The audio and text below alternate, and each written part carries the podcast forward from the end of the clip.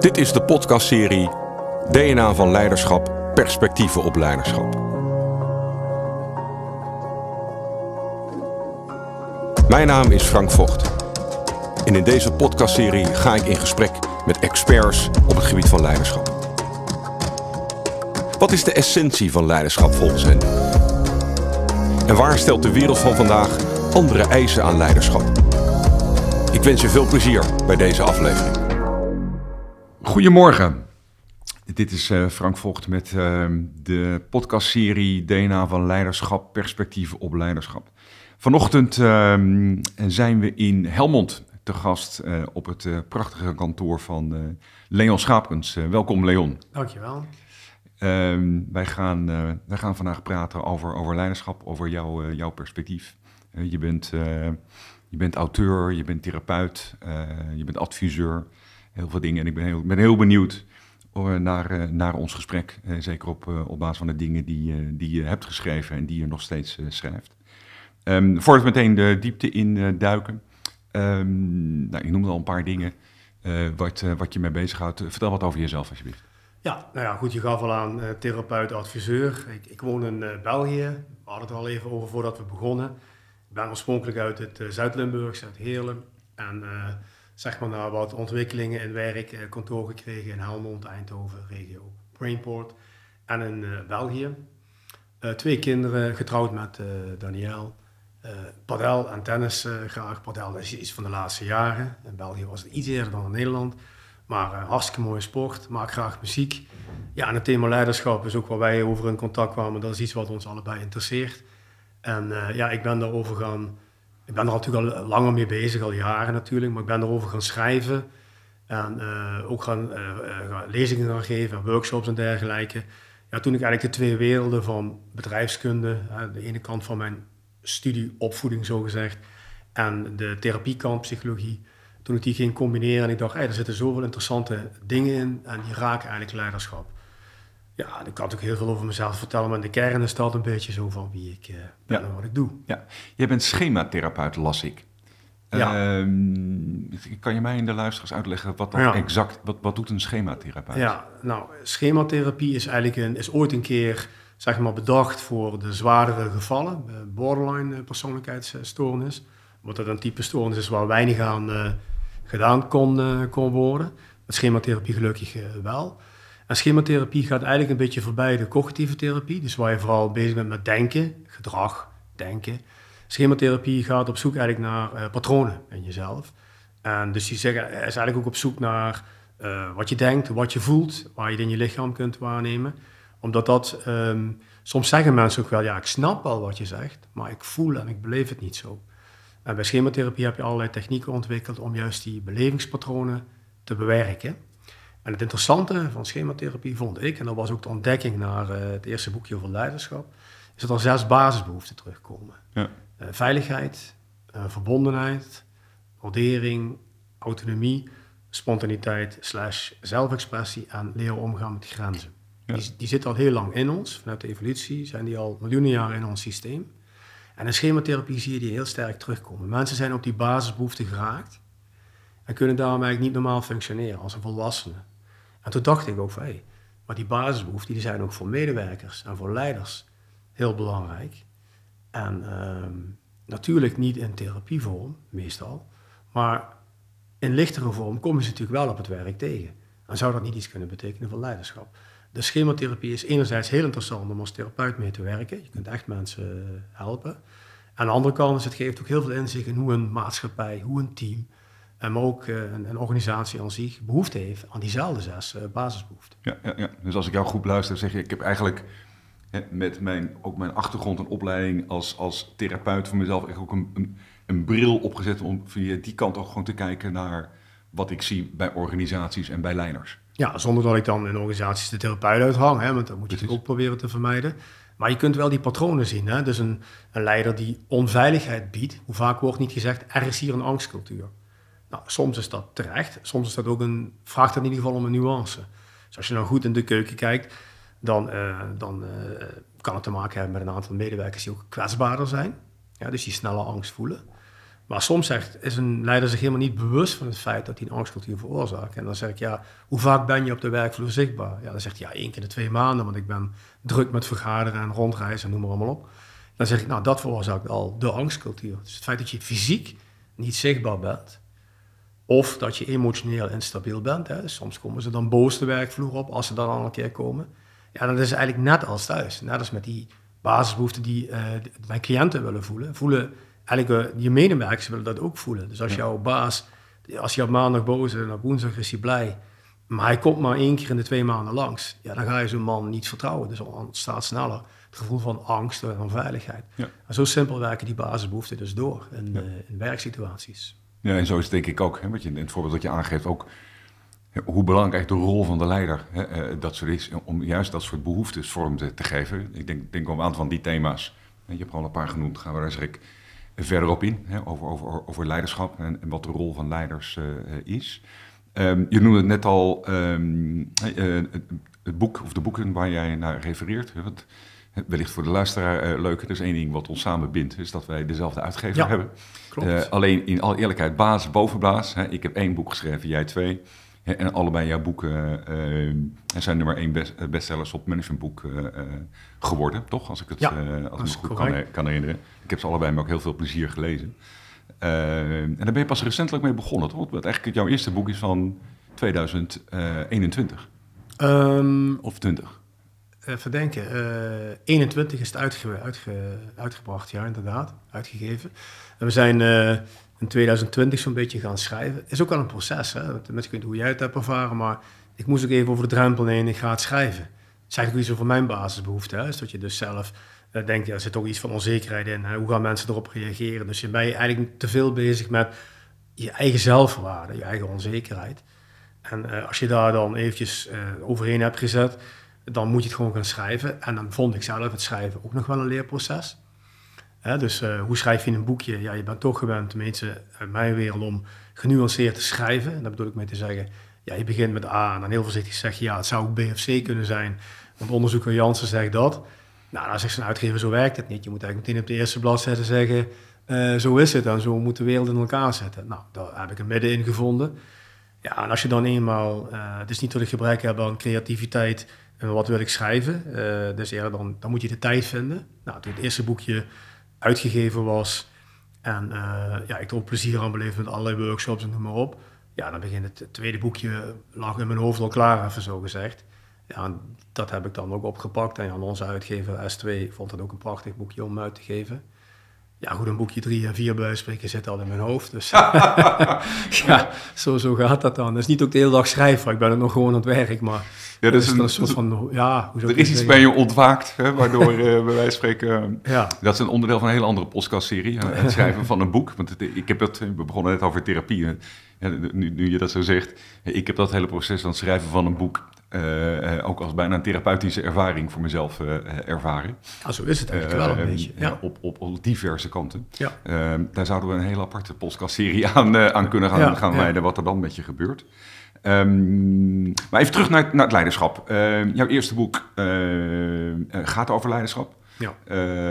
sterker, het heeft ook gewoon die titel daarover. Wat ik wel interessant vond toen, toen ik het las is, is hè, je, je, je, je, kijkt terug, je kijkt heel ver terug daarin en, en, wat er historisch ook, ook gezien. Um, maar toch even beginnen met, met, met gewoon leiderschap. In jouw eigen woorden, wat, wat is het? Wat, hoe kijk jij daar? Wat is jouw definitie? Er is geen eenduidige definitie. Dus als je ook gewoon kijkt, die vinden mensen ook niet. Hè? Want sommigen zien leiderschap als een proces, sommigen zien leiderschap als inhoud, andere mensen hebben het weer over leiderschapsstijlen.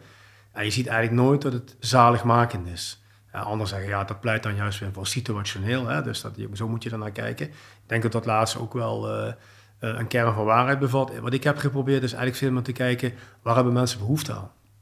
En dan kom je weer uit op die basisbehoeften die ik net uh, noemde. Dus als een leider nou voorziet in de basisbehoeften, veiligheid, verbondenheid, waardering, autonomie, zelfexpressie en uh, grenzen, dan gaan mensen zich simpel gezegd goed voelen.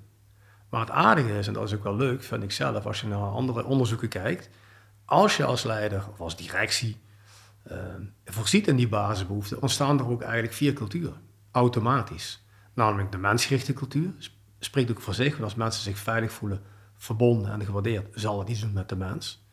Als je verbondenheid, onder verbondenheid valt bijvoorbeeld ook richting geven. Als jij richting geeft, ontstaat er waarschijnlijk ook iets op het thema taakcultuur. Op het moment dat mensen zich goed voelen en jij nodigt uit om zelfexpressie, soms spontaniteit te stimuleren in je organisatie, de vijfde basisbehoefte, doet dat iets met innovatie, ontstaat ook een innovatieve cultuur. En op het moment dat het woordje grenzen ook ingevuld wordt, en grenzen kun je bedrijfsmatig vertalen als heldere kaders, spelregels enzovoorts, ontstaat er ook een beheercultuur. Dus eigenlijk als je naar het Quinn-model kijkt, ontstaan er dan vier culturen. En wat we eigenlijk in onderzoek weten, dat iedere goede organisatie tegenwoordig die vier culturen alle vier dominant heeft. Dus het invullen van de basisbehoeften leidt automatisch tot vier culturen. Als je die basisbehoeften en die culturen dus aan het invullen bent, ben je ook bezig met verschillende leiderschapstijlen. Ja, dus als je met mensen zul je wat meer aan de coachkant zitten of de teambouwkant. Uh, ben je bezig met de visie en de richting, dus de verbondenheid. Ja, dan zul je wat meer de visionair zijn. Enzovoort. Dus dan vul je allerlei verschillende leiderschapstijlen in.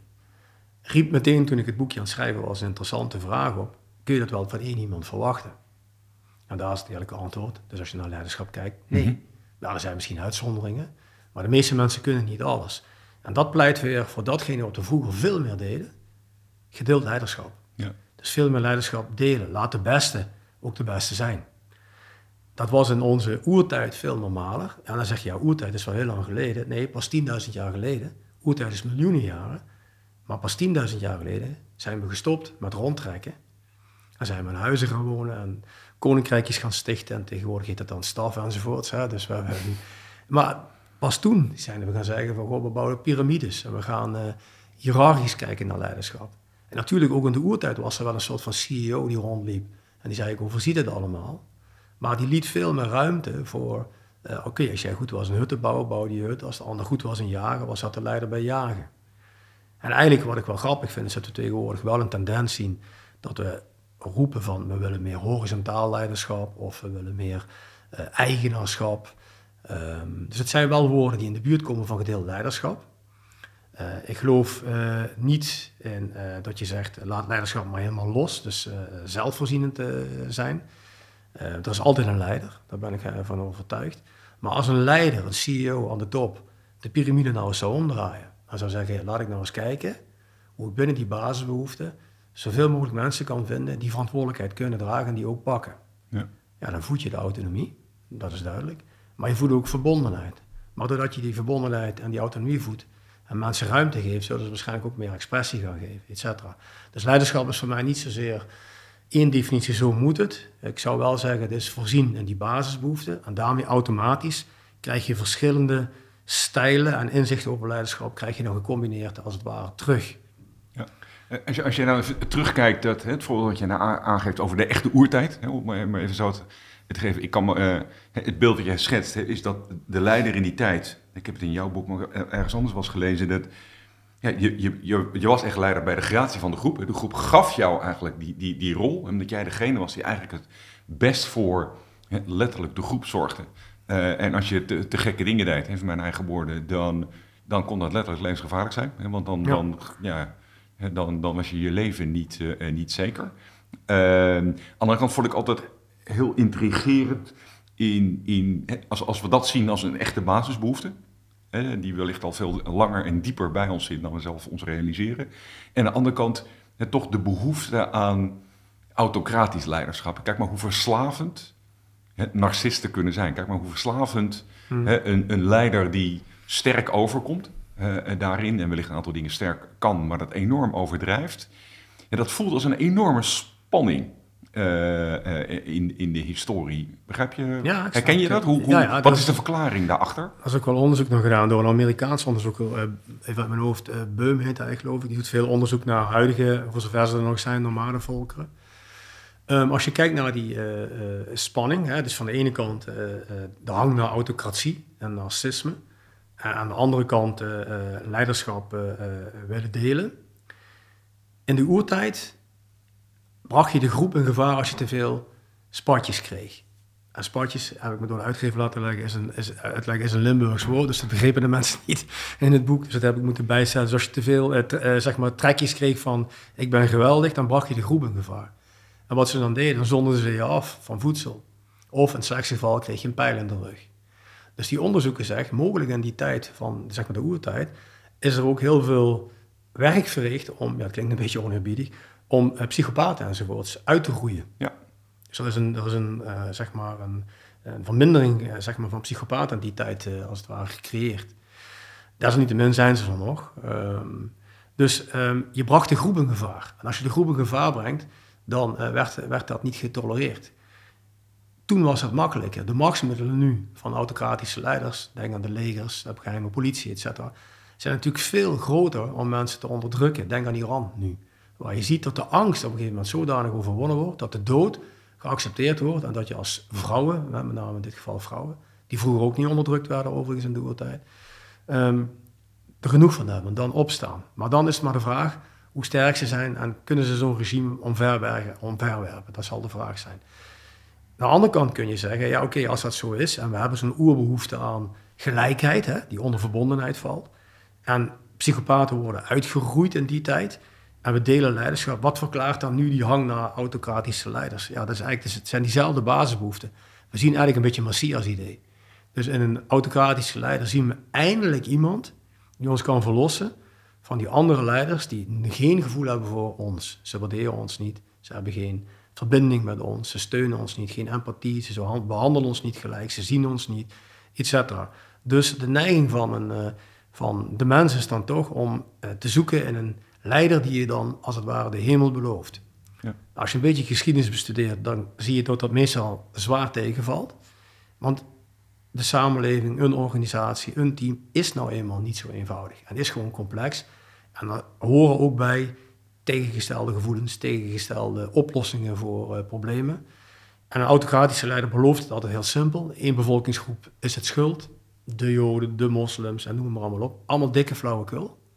Maar het wordt wel voor een deel geloofd. En doordat, ja, kijk waar is de homo sapiens gevoelig voor? Dat zijn grote verhalen en samenwerkingen. En als je dan in je eigen bubbel verkeert, al niet onder invloed van de sociale media, ja, dan ben je gevoelig voor zijn messias. Ja. En dan kan de democratie of je bedrijf in gevaar komen door dat soort type leiders. Levensgevaarlijk en helaas, in mijn beleving besteden, gaan we er soms te makkelijk mee om. Is, is er, als je dat zo hoort, is er dan in de basisbehoeftes die je een paar keer genoemd had, is er dan een speciale basisbehoefte die zo'n autocratische leider extreem oproept bij een groep, hè, waardoor, waardoor een groep hem, hè, en zie groep voor samenlevingen op, op, alle grote niveaus die, die we hebben, organisatie, samenleving, weet ik wat, waar hij of zij dan appelleert, waardoor een groep zegt, nou, laten we jou maar eens een kans geven. Nou, de eerste drie, kijk, eh, spontaniteit, autonomie en grenzen zijn wat we noemen randvoorwaardelijke basisbehoeften. Veiligheid, verbondenheid, waardering. Ja, de ene groep voelt meer bij, ze zien en horen mij niet, waardering. De andere groep voelt letterlijk onveilig, want er komt een grote groep buitenlanders binnen, ik noem maar een voorbeeld. Of bij een fusie, hè, wij spreken, er komt een, een dominante andere cultuur binnen van een uh, andere organisatie. En bij verbondenheid gaat het vaak met name om ongelijkheid. We worden ongelijk uh, behandeld. Het gevoel wat de boeren bijvoorbeeld uh, nu in onze samenleving hebben. Of de Groningers, we worden niet gezien, niet gehoord. Ja, dat zijn, er zijn drie basisbehoeften die eigenlijk door zo'n autocratische leider, zal ik maar zeggen, min of meer kunnen verklaren. Ja. Ja, hopelijk, kijk, je kunt ook een beetje een tegenwerping maken door te zeggen, ja, maar die basisbehoeften zijn toch niet alleen maar aansturend in ons brein. Helaas wel heel sterk, of ja, helaas, sterk aansturend in zekere zin wel, 90 tot 95 procent. Het zit wel stevig in ons psycholo psychologisch DNA verankerd. Maar je hoopt een beetje dat onze, ons moderne breindeel, de neocortex, het denkende deel van ons brein, een beetje een tegenwerping zou maken. Dat ze zeggen, we hebben toch ook nog eens een geschiedenisboek gelezen. En dan bleek dus dat al die leiders niet hielpen. En moeten we dus ons verstand, ons rationele verstand zo gezegd, uh, niet uh, gebruiken. Um, ja, helaas lukt dat vaak niet. Dus kennelijk is ons oergevoel toch vele malen sterk. En trappen we iedere keer in de valkuil dat zo'n narcistische leider, of soms zelfs psychopathische leider, ons verder kan helpen. Ja. Um, en, ja, en dat correctiemechanisme van vroeger, ja, dat komt meestal wel, maar meestal een aantal decennia later. Zoals we nu in Iran zien. Ja. Of, op, of in andere werelddelen. Ja. En als ik jou zei, hè, voor mij heb je daar laatst ook iets over, over, uh, over gepubliceerd, zag ik. Over, je legt even kort uit hoe het, hoe het, hoe het brein bij ons werkt. En wordt dan toch het oerbrein geactiveerd? Ja, het limbisch brein zegt het voelt. Dus je kunt in je neocortex zeggen van goh, uh, we kijken er anders tegenaan. we willen anders omgaan met problemen. Maar jouw limbisch brein, jouw oergevoel, wat daar ook opgeslagen zit, je gevoel, wordt dan toch geactiveerd en zegt nee, zo zit de wereld niet in elkaar. Het voelt zwaar onveilig of je wordt ongelijk behandeld. En dan gaat het alleroudste deel van ons brein, het cerebellum, het reptiele brein, automatisch, heeft dan gedrag voor ons geautomatiseerd en zegt nou weet je wat, dan zoeken we maar het heil bij de leider die X heet en dan uh, ja. gaat hij het voor ons doen. Ja. En betekent dat ook, als ik jou zo hoor, dat op het moment dat dat deel van het brein en voor de luisteraars hoeven niet bang zijn dat wij richting biologie gaan, maar toch even heel kort hoe dat bij ons werkt dat, dat uh, dat deel van brein zeg maar, dominant wordt hè, in, ons, in ons gedrag, hè, zonder dat we bij spreken ons daar bewust uh, van zijn. En daardoor de ratio meer uitslagen, waardoor precies het punt wat jij net zegt. We weten dat, hè, vaak als een boek lezen, dat dat niet zo is. Maar ja, dat deel van, van het brein, bij spreken, uh, is, is ondergeschikt gemaakt aan onze uh, oerreactie. Ja, er zitten zo'n honderd, even simpel er zitten zo'n 100 miljard celletjes neuronen in je hoofd. En die zijn geprogrammeerd doordenkende brein met een idee, zo wil ik het doen. Het limbisch brein heeft daar een chemisch cocktailtje overheen gegooid en die bestendigt het dan. En het reptiele brein heeft dan geautomatiseerd hoe je je daarbij wil gedragen. Ik versimpel het nu wat. Dus als je dan een goed boek leest over leiderschap bijvoorbeeld, en dan zeg je, ik heb nu nieuwe inzichten, dan worden er wel al nieuwe patroontjes aangemaakt. Hè? Die neuronen beginnen wat anders te vuren. Dus als het ware een nieuwe snelweg staat klaar. Maar jouw limbisch brein houdt dat tegen, want die wil jou terugduwen naar de routine. En pas als jij door ervaringen, dat kun je doen door mentaal te trainen, maar dat kun je ook doen door exposure, het gewoon echt te doen, ervaringen krijgt dat jouw nieuwe gedrag ook werkt, dan krijg je ook een ander gevoel. En pas als je een ander gevoel krijgt, krijg je dat chemische sausje erover. En dan is je gedrag, je brein bereid, zo gezegd, om gedrag te veranderen. Dus er komen ook wel eens, dat zul je ook meemaken in jouw praktijk, cliënten bij je, die zeggen, ja, zo ben ik nou eenmaal, kan ik niet veranderen. Ja, dat is niet waar. Je kunt wel degelijk veranderen, maar je moet het wel willen, cortex, en dan moet je er hard aan werken, al niet met mentale dingen. Bijvoorbeeld schematherapie is daar een therapie dan voor. Of andere manieren. Ehm, maar ook in de echte wereld, om ook ervaring te krijgen dat jouw oude denkpatroon niet meer per se waar is. Dat er ook alternatieven kunnen zijn. Maar dan moet, dan, dan moet je dus vaak doen, dus dat dat chemisch cocktailtje er ook overheen gaat. Ja. ja, en daarom is gedragsverandering zo moeilijk, want dan komen mensen terug en zeggen ze, ja, ik heb dat een week geprobeerd, maar dat werkt niet. Ja, logisch, want die 100 miljard cellen, die hebben patronen aangemaakt, x aantal jaar, om dat te veranderen. Dat kost ook even wat tijd. Ja. Um, dus, nou ja, ik heb er wel eens het, memoreren misschien aan dat blogje over geschreven waarom uh, de cursus positief denken niet werkt. Ja, omdat er namelijk nog iets meer nodig is. Er zijn nog twee andere breindelen die vragen ook om aandacht. En dat is ook als je naar leiderschap teruggaat. Waarom leiderschap, als ze zeggen, ja, we willen wel veranderen. En ze zouden dan een beetje van hun ego moeten opgeven. Ja. En een beetje mensen zelf wat meer laten doen. Autonomie teruggeven richting geven en ook mensen laten meedenken over die richting. Zelf eens een keer teruggaan en dan zeggen van, goh, ik had gisteren niet zo'n goede dag, um, ik was wat emotioneel of ik was wat boos, etc. Dan voelen mensen letterlijk veiligheid. Want als jij als leider kwetsbaar mag zijn, dan verbind je, maar bied je ook veiligheid. En dat vinden autocratische leiders, maar ook wel heel veel gewone managers, zou ik maar zeggen, nog wel lastig. Ja, waar zit dat hem dan in? Omdat je jezelf niet kent? Omdat je je wel kent, maar het niet durft te veranderen? Of omdat je bang bent voor de context die dan uh, sterker is en dan je, uh, jou weer terugduwt. Dat kunnen allerlei goede verklaringen zijn. Maar ik vind wel een goede leider, en die zijn er natuurlijk zeker, uh, moet beginnen bij zichzelf. Durf je in de spiegel te kijken, durf je het anders te doen. En als jij als leider kwetsbaar bent, die basisbehoeften voorziet, gewoon een mens bent, authentiek wordt, dan gaan je medewerkers meer voor jou doen dan je denkt. Ja, ja. Nee, dat, um, uh, zoals ik net zei, even, even terug naar, naar hè, hoe jij beschrijft ons brein. Hè, en ook het, uh, het sausje wat je overheen gooit. En zoals ik al zeg, daar, daar heb jij het nodig over, over gepubliceerd. Dus dat neem ik aan ook op je site in de, in de notes bij deze podcastserie vind je ook eh, de referentie in jouw site voor, voor de, de luisteraars die daar geïnteresseerd in zijn. Dat is uitermate fascinerende materie. Uh, maar daar gaan we zeg maar, in, in het kader van deze podcast niet verder op in. Uh, we gaan even, even, terug naar leiderschap. Je, je maakte zelf net ook het, het, het, het brugje al begint bij de leider zelf. Nou, een van de dingen die, die heeft de, de link maken tussen ons beide werk... Hè, over, over zeg maar, eigenschappen, eigenschappen die ik ook, ook, ook zie bij leiders... Uh, begint toch voor een heel groot gedeelte met zelfbewustzijn. Als in, wat kan ik nou goed en wat kan ik nou niet goed? Hè, maak je zelf als leider niet groter, maar ook niet kleiner. Eh, eh, dan, je, dan je daarin Maar het begint inderdaad ook, ook met het, het eerlijke gesprek naar jezelf. Ehm, en er was iets in jouw boek wat, mij, wat, mij, wat ik interessant vond. Ik denk, ja, even kijken of daar, daar iets, hoe, hoe jij daar tegenaan kijkt. Het begint bij een soort, in, de, in die basisbehoefte veiligheid, wat echt een, een, basisbehoefte is, zoals jij dat zegt. Een soort emotionele stabiliteit vanuit de leider. Volgens mij is dat een van de adviezen of tips, ehm, eh, hoe jij het noemt, dat je het daarin in, in ziet. Ehm, dat riep mij een vraag op dat ik denk, ja, dat, ben ik dat, dat klopt. in mijn ervaring, ja, dat is voor de ene leider wat makkelijker dan de ander. Hè, om die, uh, die, die stabiliteit mee te maken. Dat heeft, hè, kan te maken met, met letterlijk je DNA, maar ook, ook je opvoeding. Hè, en hoe je bent opgegroeid, wat je hebt meegemaakt in je leven. Hoe, hoe, wat, wat is jouw perspectief? wat, wat, wat, wat, wat, wat, vind je daarvan? Wat, heb, wat zie jij om je heen? Om, om deze basisbehoefte, deze emotionele stabiliteit echt vorm te geven. Ja, kijk, even, even naar die medewerkers. Hè. Die medewerkers willen die leider zien, basisbehoefteveiligheid, willen consistente gedragslijn van die, van die uh, baas zien, om het zo te zeggen. Willen ook dat hij bescherming biedt. En wil ook dat die uh, leider zelf emotioneel stabiel is. Dat wil niet zeggen dat die leider geen emoties mag laten zien. Hè? Boosheid, verdriet, dat is blijheid, dat is allemaal prima. Maar je wil consistentie hebben. Als jij medewerkers gaan zich onveilig voelen, als die, als die baas letterlijk op maandag heel boos is en op dinsdag weer heel vrij, ja, doe maar wat je wil en dat is prima, autonomie, doe het.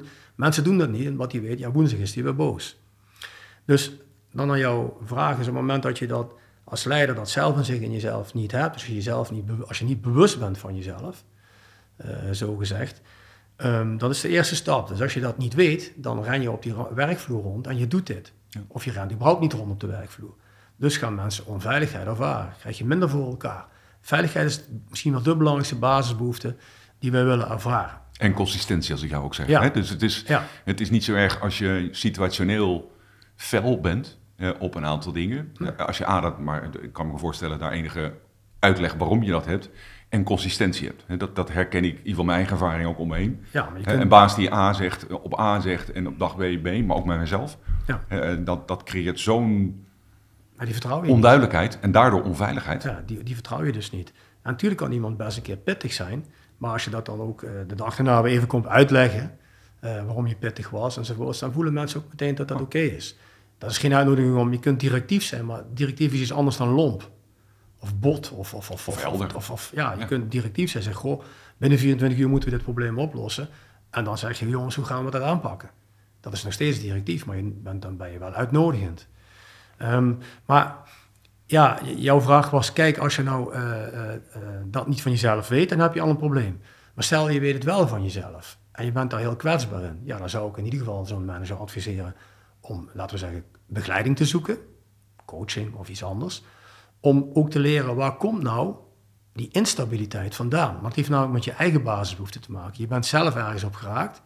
En als je dus ergens op getriggerd wordt, bijvoorbeeld, dus als iemand uh, zeg je hebt een manager en die manager uh, die ontmoet dan iemand die uh, dominant is. En op het moment dat hij dominantie voelt, dan wordt hij getriggerd. En als hij getriggerd wordt, dan wordt hij boos. Ja. Nou, dan moet je eerst weten, wat triggert mij? En wat is dan mijn reactie daarop? Daarna kun je gaan kijken, kan ik dat anders doen, zal ik maar zeggen. En als je helemaal teruggaat, kun je gaan kijken, waar komt die trigger dan vandaan? Ja, meestal zit hij ergens in je jeugd. Dus meestal is het dan zo dat je vader of moeder dominant was en dat triggert jou. Daar, hoeft, daar hoeven papa en mama geen slechte mensen voor te zijn. Maar ja, zeg maar even, papa was gewoon duidelijk en zei, ja, dan, dat wil ik hebben.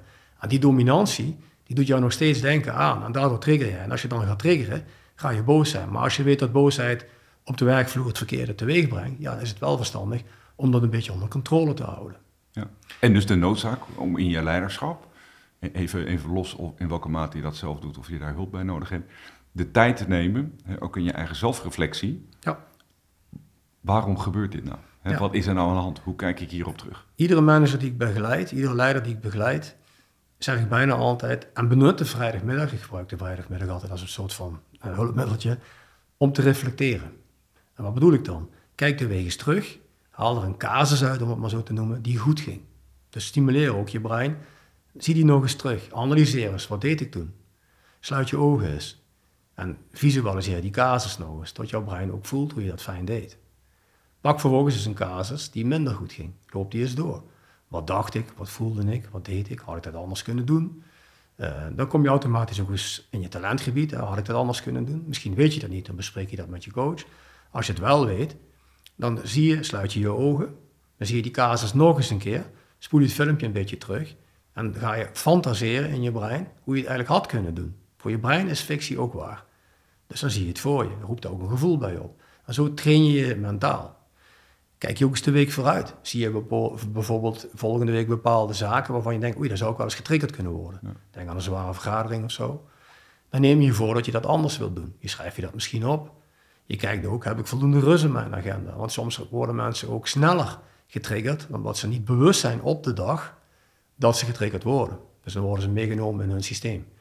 Dus haal je er misschien een paar dingen uit in je agenda, dat je ook iets meer rust hebt overdag, om bewuster in jezelf te zitten. Want je hebt wel je lichaam nodig om bewust te zijn van wat je voelt.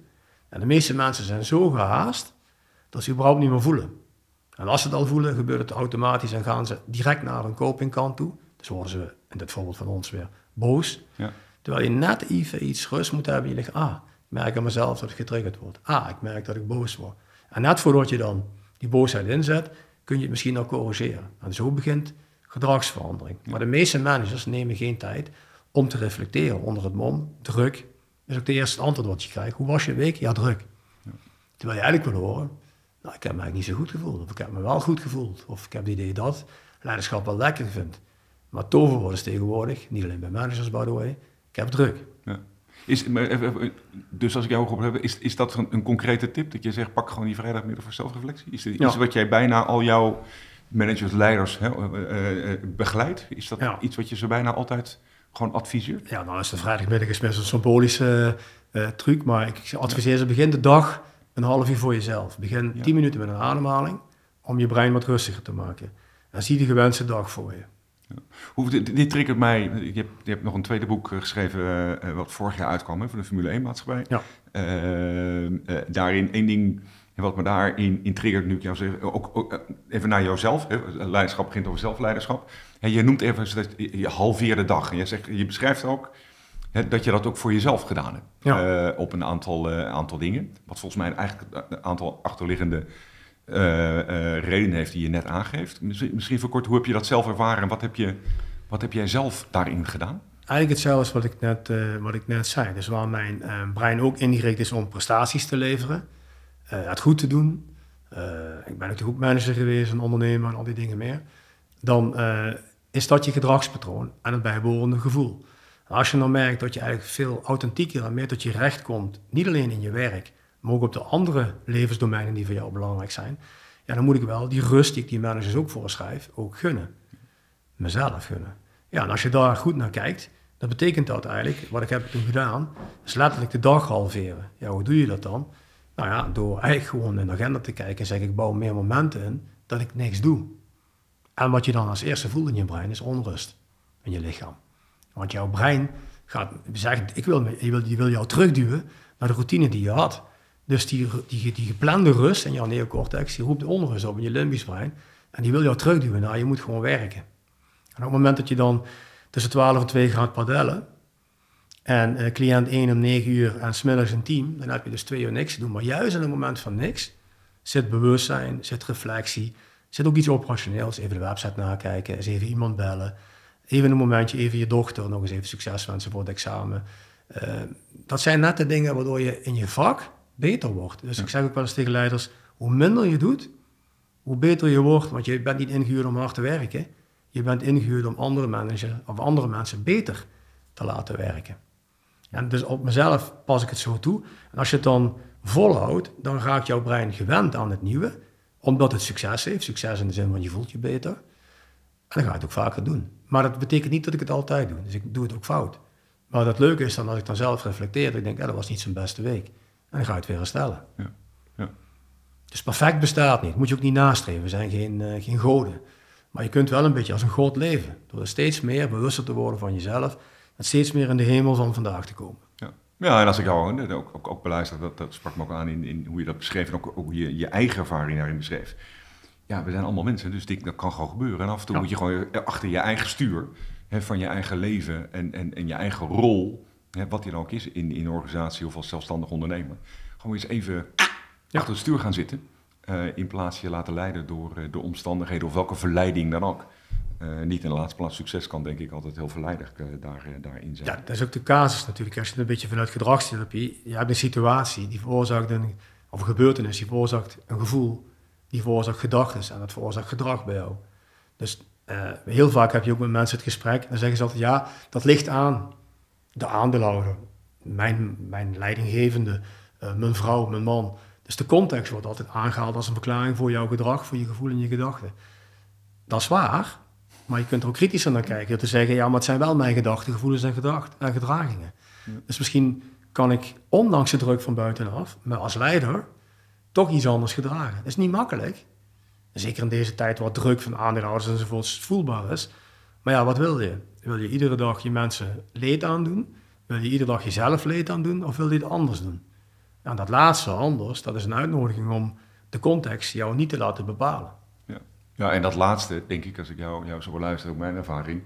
Dat laatste, iedereen zal zeggen, ik wil geen mensen leed aan doen. Maar dat betekent dat je zelf de tijd moet nemen om te zeggen, wat zie ik om mij heen gebeuren? Doe ik, hè, plat gezegd, hè, in jouw woorden, doe ik mensen leed aan? Of doe ik iets wat misschien niet zo lekker overkomt? En waar komt dat vandaan? En daarmee aan de gang gaan. En dat begint even, en wat we net zeiden, naar die tijd en die rust voor die zelfreflectie nemen. Als jij, als jij, van ja. acht uur s ochtends tot acht uur s avonds in, in, in vergaderingen zit en maar doordendert, ja, dan, dan gaat het maar door. En dan geef je voor mij letterlijk, denk ik, je brein gewoon geen tijd om eens even te observeren wat er aan de hand is. Ja, en ook anderszins, je, geeft, je biedt mensen geen veiligheid en verbondenheid, omdat je gewoon niet zichtbaar bent op de werkvloer. Je bent er gewoon niet. En je biedt dus daarmee ook geen richting, of je biedt ook geen empathische confrontatie als dat nodig is. Dus mensen zien jou niet als leider, dus je bent er niet. Dus jij bent druk, jij maakt jezelf gek, je denkt dat je iets goeds doet, maar je doet eigenlijk niks. Ja, Dus die vergaderreflexen, die doorbreken, dat is ook best wel een dingetje bij mensen. Ze vergaderen gewoon eens wat minder. Denken zo nou hoe je op een andere manier zaken kunt delen. Waarom moet je overal bij zijn? Ja, dat heeft te maken, ja, dan ben ik belangrijk. Of dat moet, want die anderen kunnen dat niet. Nou, dan zeg je nogal wat. Dat, dat, was vroeger niet zo. Vroeger deelden we leiderschap. En nu zeg je, nu kunnen mensen het niet. Dat is toch raar? Ja. Dus durven dus doen. Dat heeft meer met jou te maken, waarschijnlijk dan met je medewerkers. Nou, dat, dat is even een mooi brugje naar, naar, naar even het begrip vertrouwen, wat natuurlijk een prachtig mooi containerbegrip is wat we, daar, wat we daarmee boelen. Uh, jij verreert in, in het boek voor mij al een aantal keren uh, zelfs hè, het werk van Frederick Taylor. Hè, even voor de luisteraars, uh, die, dat is de, de, een van de klassieke management theorie waar heel veel eigenlijk van, van uh, nou, je kan het beter in je eigen woorden uitleggen, van, van huidige managementprincipes eigenlijk nog op gebaseerd zijn. Uh, zijn principe was, is, de mens is lui, dus die moet ik als een productiemiddel gewoon aansturen, toch? Daar komt het op neer. Ja, was... waarom is dat, waar kwam dat vandaan en waarom is dat vandaag de dag eigenlijk nog steeds een vrij door, een, belangrijk denken wat, wat, wat onze organisaties bepaalt? Helaas is dat laatste wat je zegt waar. Ja, als je het een beetje versimpelt, er zijn twee filosofen, Jean-Jacques Rousseau, de positieve man, even zo gezegd, en Hobbes, die eigenlijk uitging van het negatieve mensenbeeld. Die zei, mens is slecht, die moet je beteugelen, daarom moet de overheid, daar ging het toen over, uh, die moet uh, de macht krijgen, een soort ook goddelijk principe zat er dan achter, en laat het dan maar over, je moet die mens beteugelen. En uh, die filosofie, die is volledig in strijd met hoe wij als in de oertijd ook leefden, gedeeld leiderschap. En ook volledig niet bij onze basisbehoeften derhalve past. Nou, onze vriend uh, Taylor die heeft met scientific management uh, de afgelopen honderd jaar dat nog eens wat verfijnd. Dus we gingen uh, splitsen, delen, fuseren, al die dingen meer. En managers werden ook controlfreaks, even zo gezegd. Controle is ook het toverwoord. Je moet controle hebben. We hebben ook een controlemaatschappij hè, met een soort van utopie van veiligheid. Ons hele denken ook in het parlement is gebaseerd op we moeten controle, controle, controle. Het leidt tot allerlei wetten, het helpt allemaal niet. Mensen worden er ongelukkig van. En je hebt de andere filosoof, Jean-Jacques Rousseau, die eigenlijk zegt van, zullen we eens uitgaan van het positieve menswillen? Als we naar de mens kijken, de mens is best wel bereid om het goede te doen. Alleen ja, je moet wel een paar leiders hebben die het ook stimuleren. Interessant boek is natuurlijk ook, blijft van Rutger Bregman, hè, De meeste mensen deugen. Hij haalt tegen voorbeelden aan, waar ook uit blijkt dat het uh, supergoed uh, werkt als je mensen vertrouwen geeft. Dus ik zou eigenlijk Taylor een beetje willen, uh, ja, verbannen is is een, zwaar woord, maar zeg maar in de boekenkast laten staan. Lees het boek van uh, Rutger Brechtman maar eens een keer. Of jouw boek, waar jij, spreekt ook over vertrouwen. Uh, waarin we eigenlijk staan, als we mensen nou eens vertrouwen geven. En ze, geven, en ze krijgen autonomie. En vanuit mijn boek, zoals ik het dan zeg. En we stellen vooraf heldere kaders en spelregels, grenzen. En we hebben ook nog eens een mooie inspirerende visie. Basisbehoefte, verbondenheid. En je gaat ook nog eens realistisch naar je mensen kijken. Want sommige mensen kunnen veel verantwoordelijkheid aan. Dat heb ik ook uit de schematheorie gehaald. En andere mensen kunnen minder verantwoordelijkheid aan. Die laatste groep moet je helpen. Moet je misschien meer taakgericht bij zijn. Die eerste groep die meer aan kan, die moet je wat meer loslaten. Dus die geef je wat meer coachend leiderschap mee. Ja. Kortom, vertrouwen geven is niet loslaten, laissez-faire, zie maar. Maar is goede kaders vooraf, goede missievisie, doelen. En dan goed inschatten welke mensen kunnen meer aan, welke minder. Daar pas je je, je leiderschapsstijl op aan. En dan zul je zien dat het woordje eigenaarschap in je organisatie, zelfsturing van mij apart, maar dan met een, maar wel met een leider, tot dat gaat groeien en bloeien. Wat, wat, wat je begrijpt het, je gebruikt het, uh, het woord, woord kaders, hè, grenzen daarin meegeven, want het is precies wat jij zegt. Dus mijn ervaring, vertrouwen wil niet zeggen, ik flikker over de schutting en veel plezier ermee.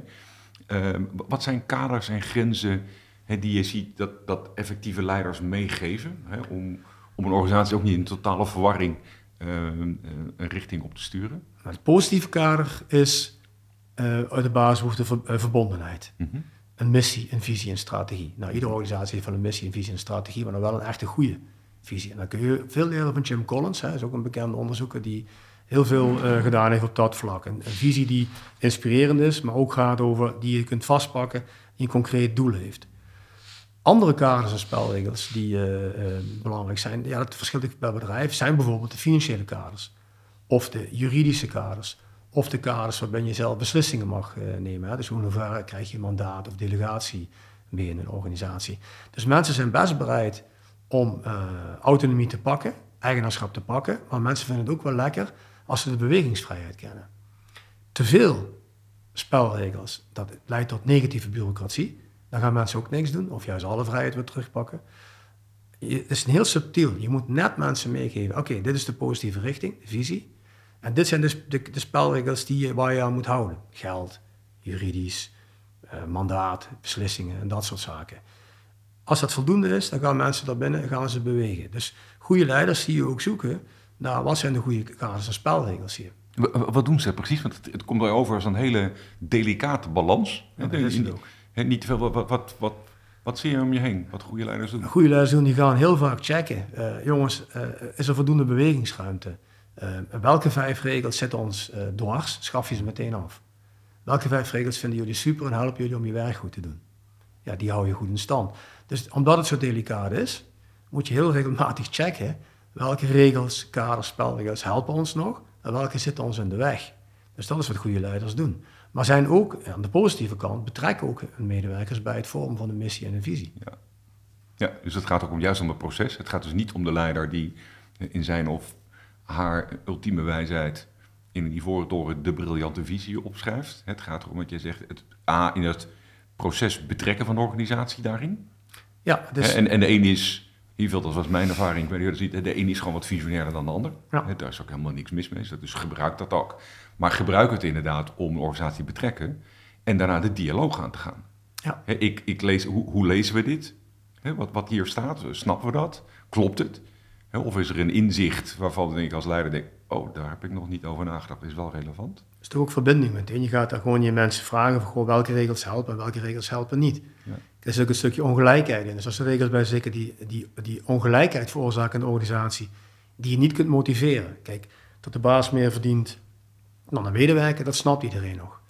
Op het moment dat de baas andere merk koffie krijgt, of een grotere auto of een parkeerplaats, terwijl uh, degene die de facilities verzorgt geen parkeerplaats heeft. Dat snappen mensen niet. Hoe is dat zo? Luistert, luistert dat zo subtiel wat jou betreft? Ja. Salaris snappen we, ja, maar heel veel andere dingen hebben we meer moeite mee? Salaris snappen we tot een bepaalde gap. Dus op het moment dat, uh, tot de, dat de baas 40 tot 80 keer meer verdient dan de laagste medewerker... Ja, dat snappen, dat niet meer. Dat snappen we niet meer, nee. Maar mensen begrijpen dat een, een, CEO meer verantwoordelijkheid draagt, dus ook wat meer verdient.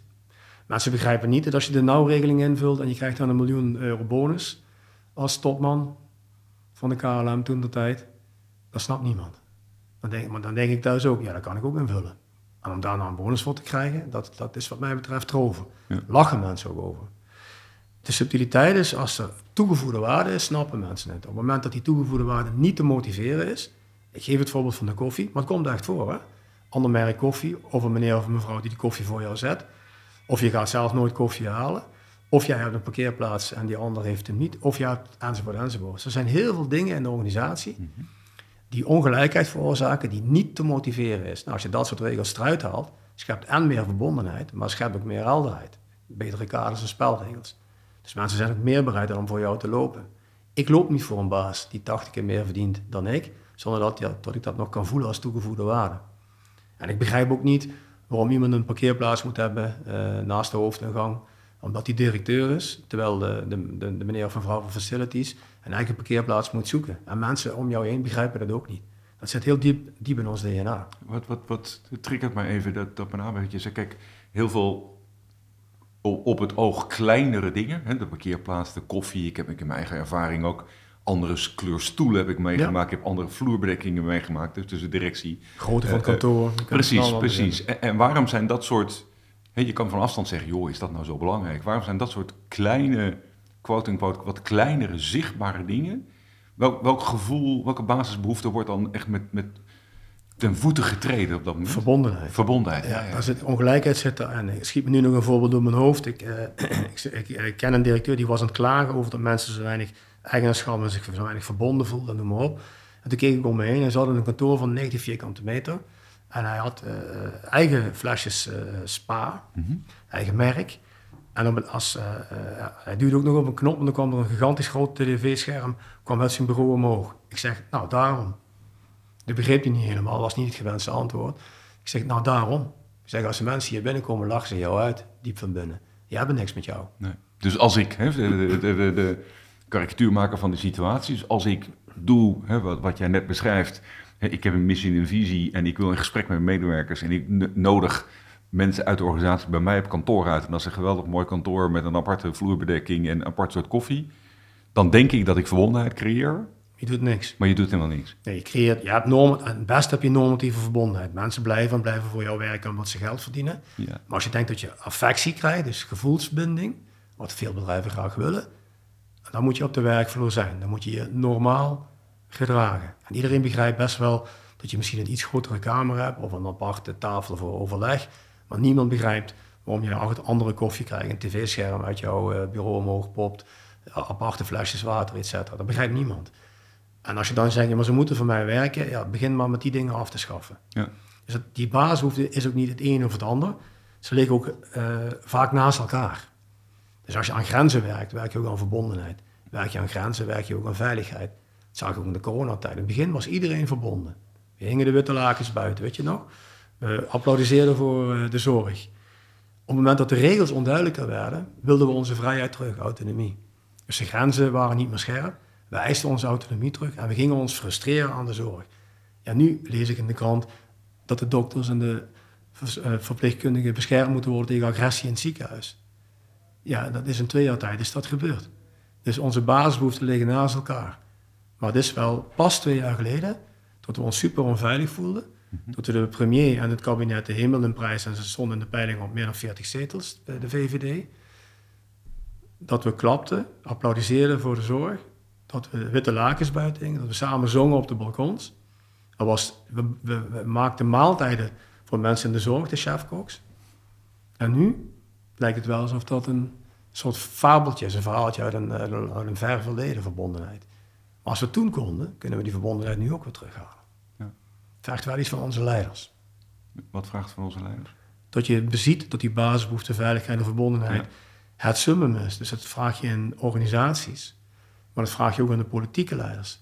En als we iets niet doen als politieke leiders, door privatisering, fusies en schaalvergroting, is het verbondenheid creëren. Nee, we breken de voorzieningen af in het land. Die zijn al afgebroken.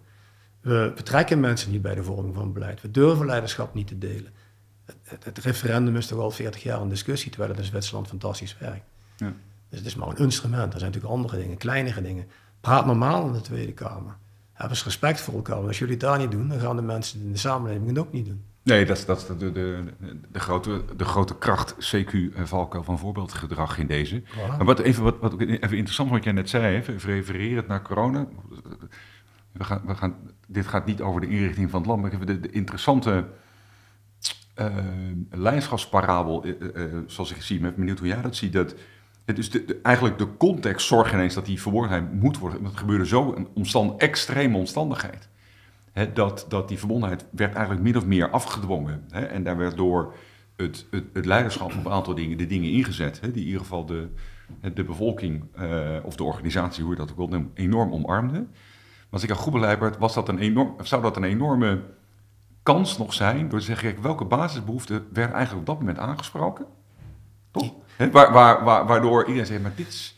En gebruik wat daarmee gebeurt. He, ga op die manier het gesprek aan over, oh, dus dat creëert veiligheid. en ga van daaruit zeggen, oké, want op een gegeven moment wordt die situatie weer opge opgegeven, wij spreken. dan mochten weer de wij in, in mijn eigen woorden. Maar je had die lessen, het waren hele waardevolle lessen, uh, kan je, of kon je en kan je nog steeds uittrekken, om te zeggen, hoe kan ik daar mijn leiderschap aan vormen? Is, ja, de, simpel, de situatie triggerde bij alle mensen verbondenheid. Iedereen, bijna iedereen, voelde direct, oké, dit is niet oké, we moeten elkaar helpen. Daar had je geen leider voor nodig, dat voelden we allemaal, dat zit diep in ons DNA. Als de leider dat vervolgens stimuleert en cultiveert, dan kreeg je de dingen die we het net over hadden. Dus als je het leereffect hier wil uithalen, dan zou het leereffect zijn dat de softe tools, dat vinden veel mensen niet fijn als je dat zegt. Nee, wat is soft? Nee, wat we nu zeggen is, we gaan de grondwet veranderen of we komen met een collectief referendum. Dat is ook goed, het helpt, instrumenten kunnen helpen. Maar het zit hem net in wat jij zegt. Ga nou met mensen in gesprek over veiligheid. Bied nou een taal, toon en tempo, verbondenheid. Geef richting aan een land met een missie, met een visie. Uh, betrek mensen erbij. Zorg niet voor ongelijkheid die niet te motiveren is. Hoe vaak zitten er niet in allerlei talkshows mensen die dit vertellen, maar we doen er niks mee. Omdat wij waarschijnlijk psychologisch het niet kunnen pakken. Ja, wat is dat dan? Moeten we dan een, de grondwet aanpassen? Moeten we dit en dat? Nee, het vraagt leiders die met ons die ongelijkheid eruit halen, die ons richting geven, die ons daarbij betrekken, die emotioneel stabiel door de samenleving gaan, die ons zeggen, dit zijn ontembare problemen, milieu kun je niet oplossen, maar kunnen we samen kijken hoe ver we kunnen komen. Want mensen, de homo sapiens, heeft behoefte aan een richting, het grotere verhaal, en is super bereid om samen te werken. Zagen we van corona ook. Wetenschappers wereldwijd, tienduizenden mensen hebben samengewerkt om een vaccin te vinden. Nou, dat kunnen we altijd. Maar we hebben wel een grote verhaal nodig. Ook wat jij in jouw boek zegt. Het grote verhaal is wel nodig. Richting geven om mensen mee te krijgen. Ja. Nou, dat ontbreekt in ons land. Leiders die richting geven, die die basisbehoeften invullen. Ja. kunnen we van corona leren. Ja, nou, dat is met name, dat is me enorm. De, de lessen, hè, die zeker naar, naar jou, jouw expertise of hè, wat je in je boek ook zegt, die basisbehoeften, is natuurlijk een interessante, uh, interessante invalshoek om op die manier ook te kijken naar eigenlijk omstandigheden, extreme omstandigheden. Wat kan ik daar, hè, wat, wat kan ik daarmee? Dat gezegd hebben, we lopen naar het einde van, uh, van ons gesprek, uh, Leon. Um, is, er, is er nog iets dat je zegt, ja, maar dit moet ik echt nog even gezegd hebben? Of is er nog een, is er nog een, een, een andere een, een tip of een advies wat jij de leiders van vandaag en morgen zou meegeven? Nou, we hebben al heel veel gezegd en we kunnen er denk ik nog uren over doorpraten als we ons best doen. Hè? We hoeven niet eens ons best te doen. Dat denk ik zeker, ja. ja. nou ja, misschien nog één tip, maar we hebben hem al een beetje aangehaald. Begin bij het begin. Begin met reflectie, zelfbewustzijn. Dus begin als leider niet bij je medewerkers in coaching uh, duwen, maar zelf. Uh, begin te reflecteren, doe een intervisie. Uh, ben niet zo bang voor je eigen gedachten en gevoelens. Het zijn maar gedachten, het zijn maar gevoelens. Durf ze te kennen. En ze te, te leren kennen, kun je ermee gaan werken. En doordat je jezelf beter kent, kun je ook je mensen beter maken. Eigenlijk wat jij en wat ik en wat een aantal andere mensen hun boek, boeken ook zeggen. En wat we niet vaak genoeg kunnen zeggen. Dus die tip begint bij jezelf. Ja. Dat zou misschien een mooie afsluiter zijn. Dat lijkt me een hele mooie afsluiter. Neem die, dat, en dat is plat gezegd, ja, misschien ook wel de makkelijkste, uh, uh, wellicht ook de moeilijkste om te doen. Hè? Want als je bij jezelf begint en die tijd en die rust neemt, daarin, en wat jij ook zegt, kijk, wij zijn niet onze gedachten. Onze gedachten zijn belangrijk daarin, hè? maar we moeten zorgen dat we niet door gevangen worden. En dan zie je ook vaak door, door nou ja, pak even wat je in je andere boek maar zegt, halveer de dag, neem daar de tijd en de rust voor. en dan gebeuren vaak de meest mooie dingen. Dat lijkt me een Lijkt me een hele mooie afsluiting van ons gesprek. Ik wil je heel erg danken voor, uh, voor je tijd. Graag gedaan. En uh, het was mij groot genoegen. Dankjewel. Dankjewel. En hiermee zijn we aan het eind gekomen van deze aflevering uit de podcastserie DNA van Leiderschap, Perspectieven op Leiderschap. Mijn naam is Frank Vocht en ik ben heel benieuwd hoe je deze aflevering hebt ervaren. Laat het me weten via de contactgegevens in de show notes. En laat het me ook weten als jij een gast weet waarvan jij vindt dat ik daarmee in gesprek moet gaan. Veel dank voor het luisteren en tot de volgende aflevering.